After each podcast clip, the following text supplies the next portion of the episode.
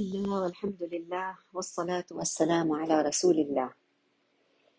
الحقيقة في يعني سؤال يتكرر آه، وقرأته يعني آه، مؤخرا وبستثير عندي يعني آه، علامة استفهام كتير كبيرة. وهو إحنا لو اطلعنا على كل الأنبياء في كل العصور دائما أتباع الأنبياء من الضعفاء. و... و... ويأتي عادة النبي مش هو هذا الملك إلا طبعا في عنا مثلا سليمان عليه السلام داود عليه كان كان ملك, ملك يعني ملكين. لكن باقي الأنبياء ومن تبعهم أصلا آه، يعني داود وسليمان عليهما السلام كانوا آه، يدعون إلى الله سبحانه وتعالى ولكن بالجهة الأخرى عندنا ناس متفوقين كتير في الدنيا.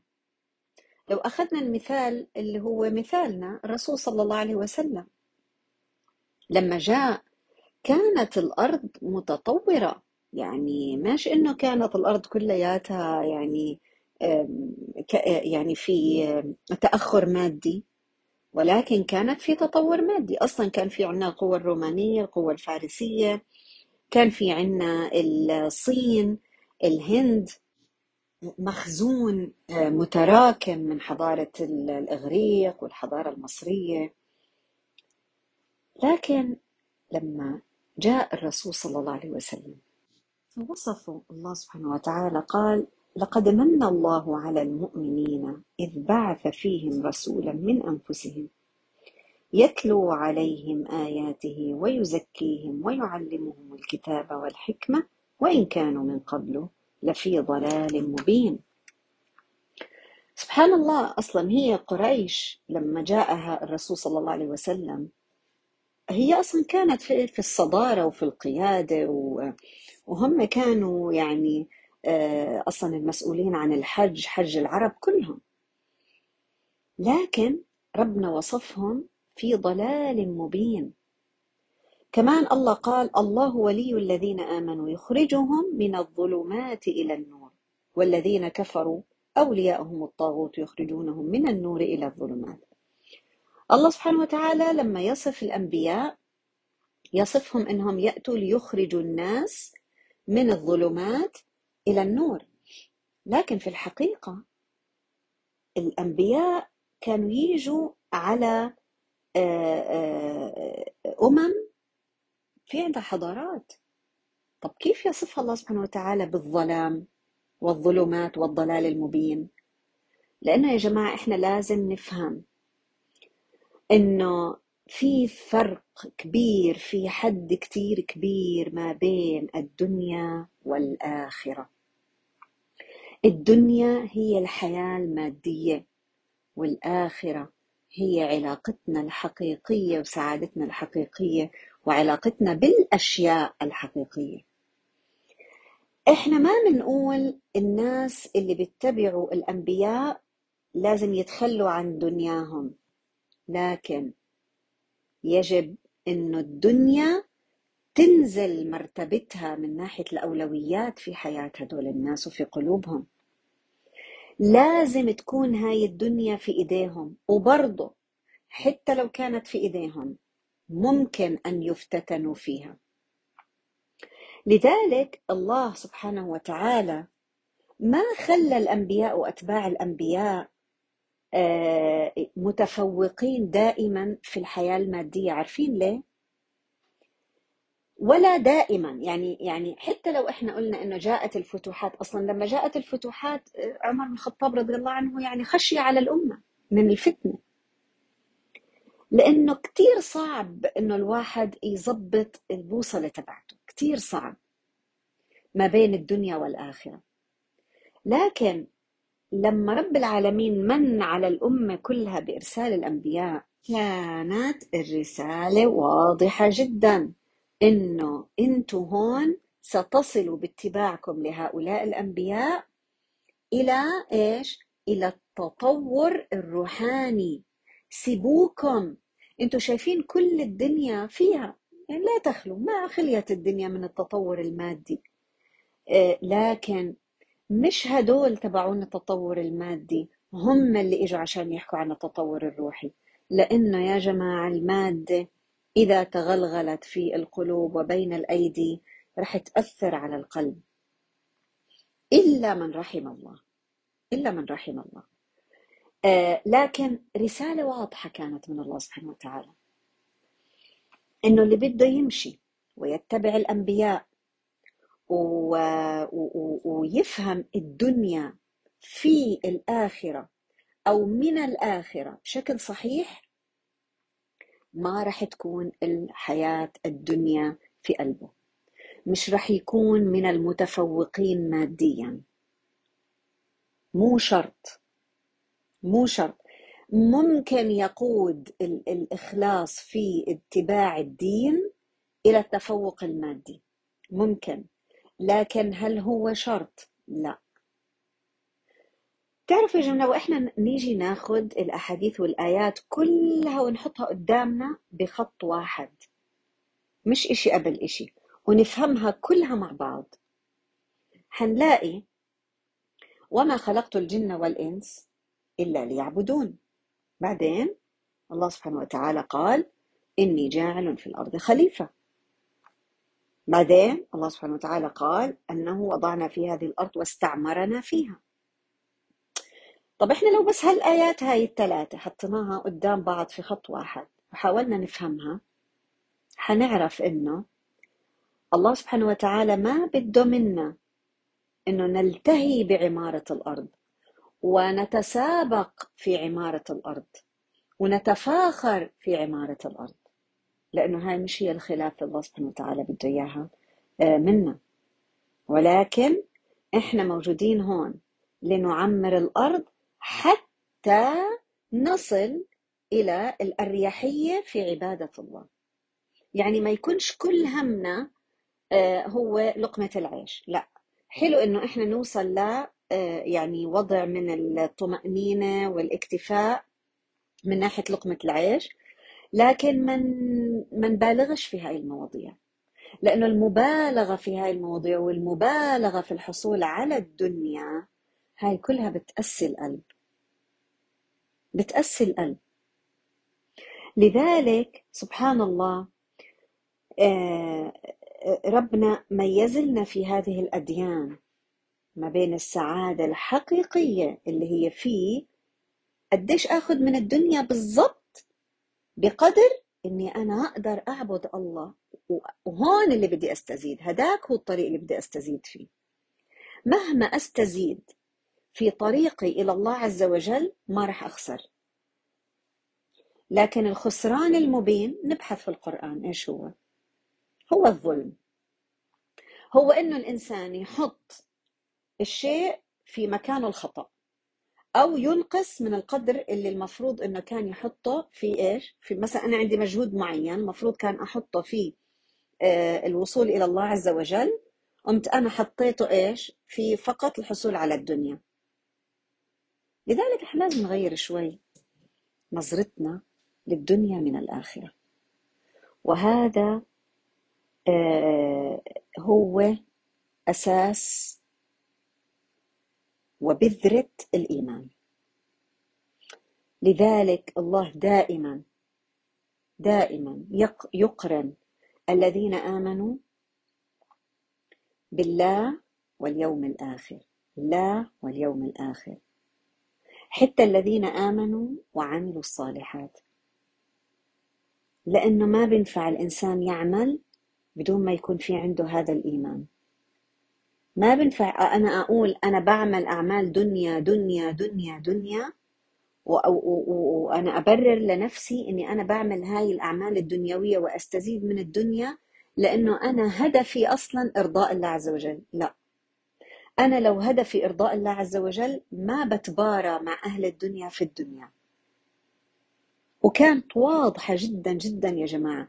يعني لما آه، عرض على الرسول صلى الله عليه وسلم الدنيا وأن يكون ملك اختار أن يكون عبدا لله. مش واضحة؟ طب ليه إحنا هلأ الأمور عنا تخربطت؟ وإحنا لما تخربطت عنا الأمور بطلنا ملاقيين حالنا بطلنا ملاقيين الميزان الصح. عشان هيك صارت أمورنا آه، إحنا بنمشي في الدنيا وبنقول لا لا لا لا بس إحنا نيتنا لله.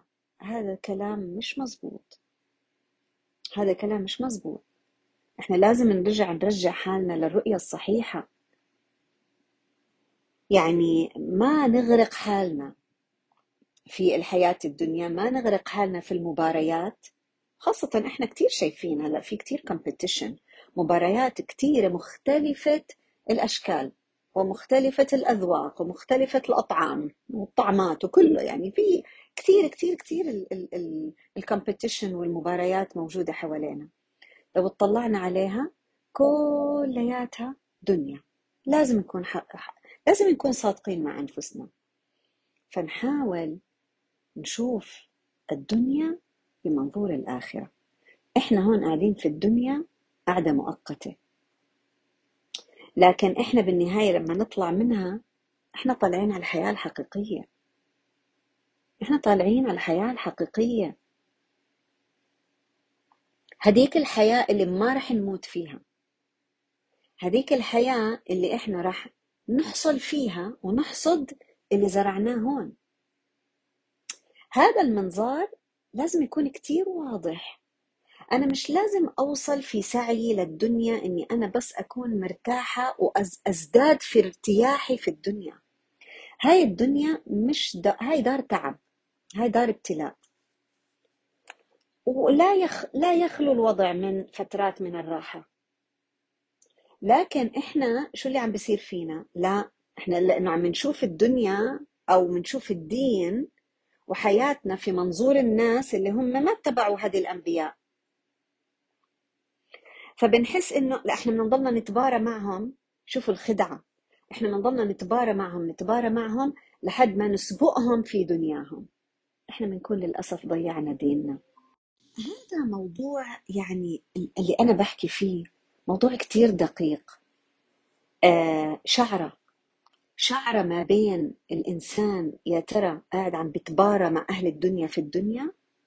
ولا قاعد عم يشتغل في الدنيا في لطاعة الله عز وجل ولعبادة الله عز وجل؟ طبعا مش كل إنسان آه، يعني يسعى لإصلاح الدنيا هو بكون واحد قاعد غرقان في الدنيا. عشان هيك بقول لكم موضوع كتير كتير حساس.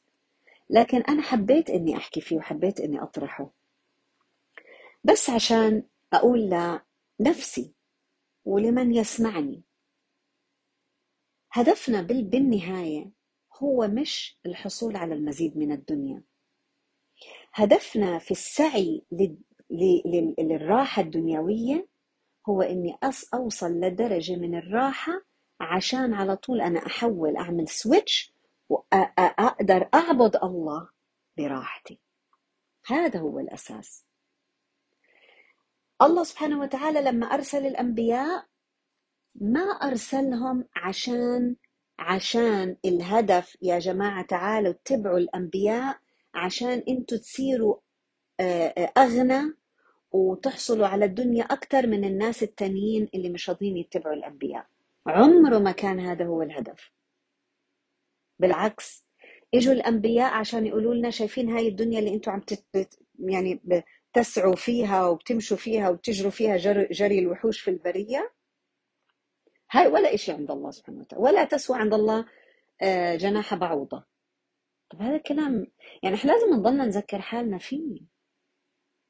طب وإحنا نايمين وقايمين وتفكيرنا وين؟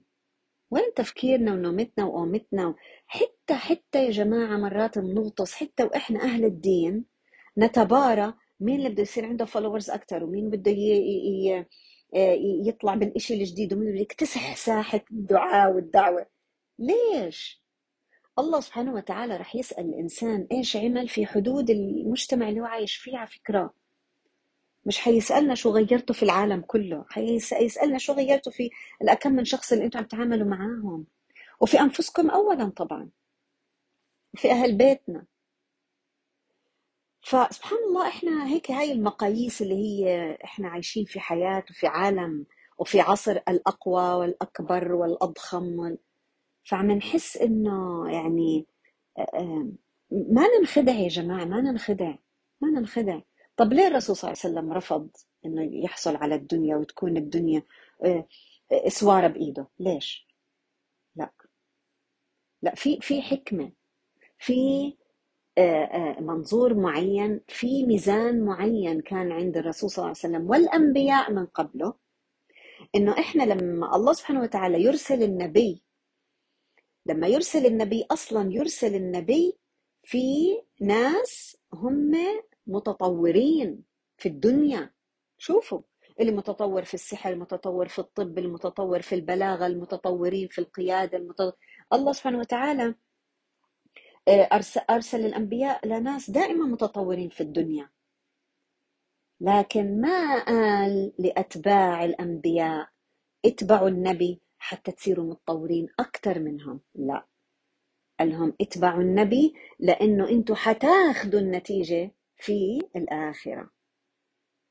في الآخرة ما تنخدعوش. سبحان الله.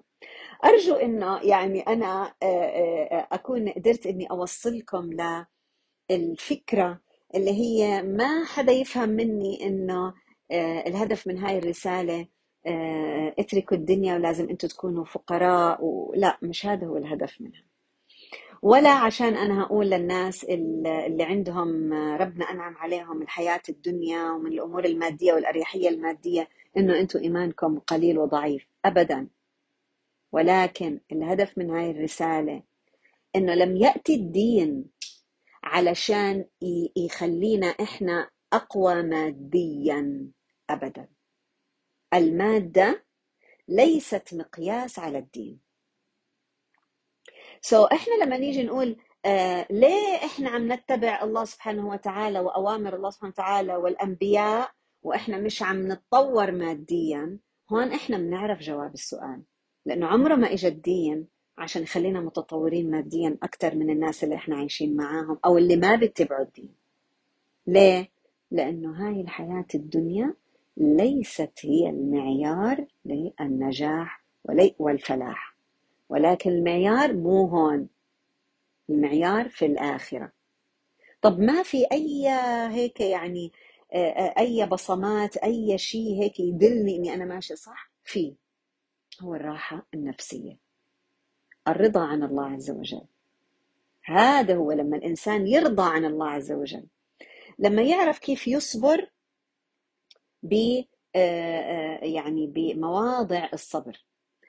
لما يعرف إمتى يحزن؟ وعايش يحزن؟ وقديش يحزن؟ يا ترى إحنا مط... إحنا إحنا بنقدر نحزن؟ آه. لكن إحنا بنحتوي الحزن مش الحزن اللي بيحتوينا. يعني مش والله الإنسان مثلا صار عنده موقف أحزنه آه، في نقص من الأموال أو الأنفس أو الثمرات لنفرض وحزن. مش حيقعد حزين 20 30 سنة. حيحزن لكن حيحزن لفترة بعدين يرجع يتذكر ما هي هذه الحياة الدنيا في الآخرة فيرجع يلملم حاله ويكمل طريقه. حتى لو كان في عنده يعني بقايا من الحزن ولكن رح يكمل طريقه وبعدين يوصل للرضا ويكمل. مش حيضل الإنسان حزين 30 سنة. عشان نقول إنه الرسول صلى الله عليه وسلم حزن. آه الرسول صلى الله عليه وسلم حزن. لكن ما حزن 30 سنة ولا 10 سنين ولا آه, آه، يعني آه، كل ما مثلا تتجدد الذكريات بده يضل يعيش حاله في الحزن. لا لا لا. هو احتوى الحزن الرسول صلى الله عليه وسلم. لكن ما منع نفسه من الحزن. في فرق. وهيك على فكرة ديننا. ديننا كله ما بين هاي الثنائيات. فنسأل الله سبحانه وتعالى إنه يورجينا الحق حق ويرزقنا اتباعه ويرينا الباطل باطل ويرزقنا اجتنابه. ولا يجعلهما مختلطان علينا. يعني يعرفنا وين بالضبط قديش إحنا ناخذ معيار من الدنيا لنسعد في الآخرة. ولا يجعلهما مختلطان علينا.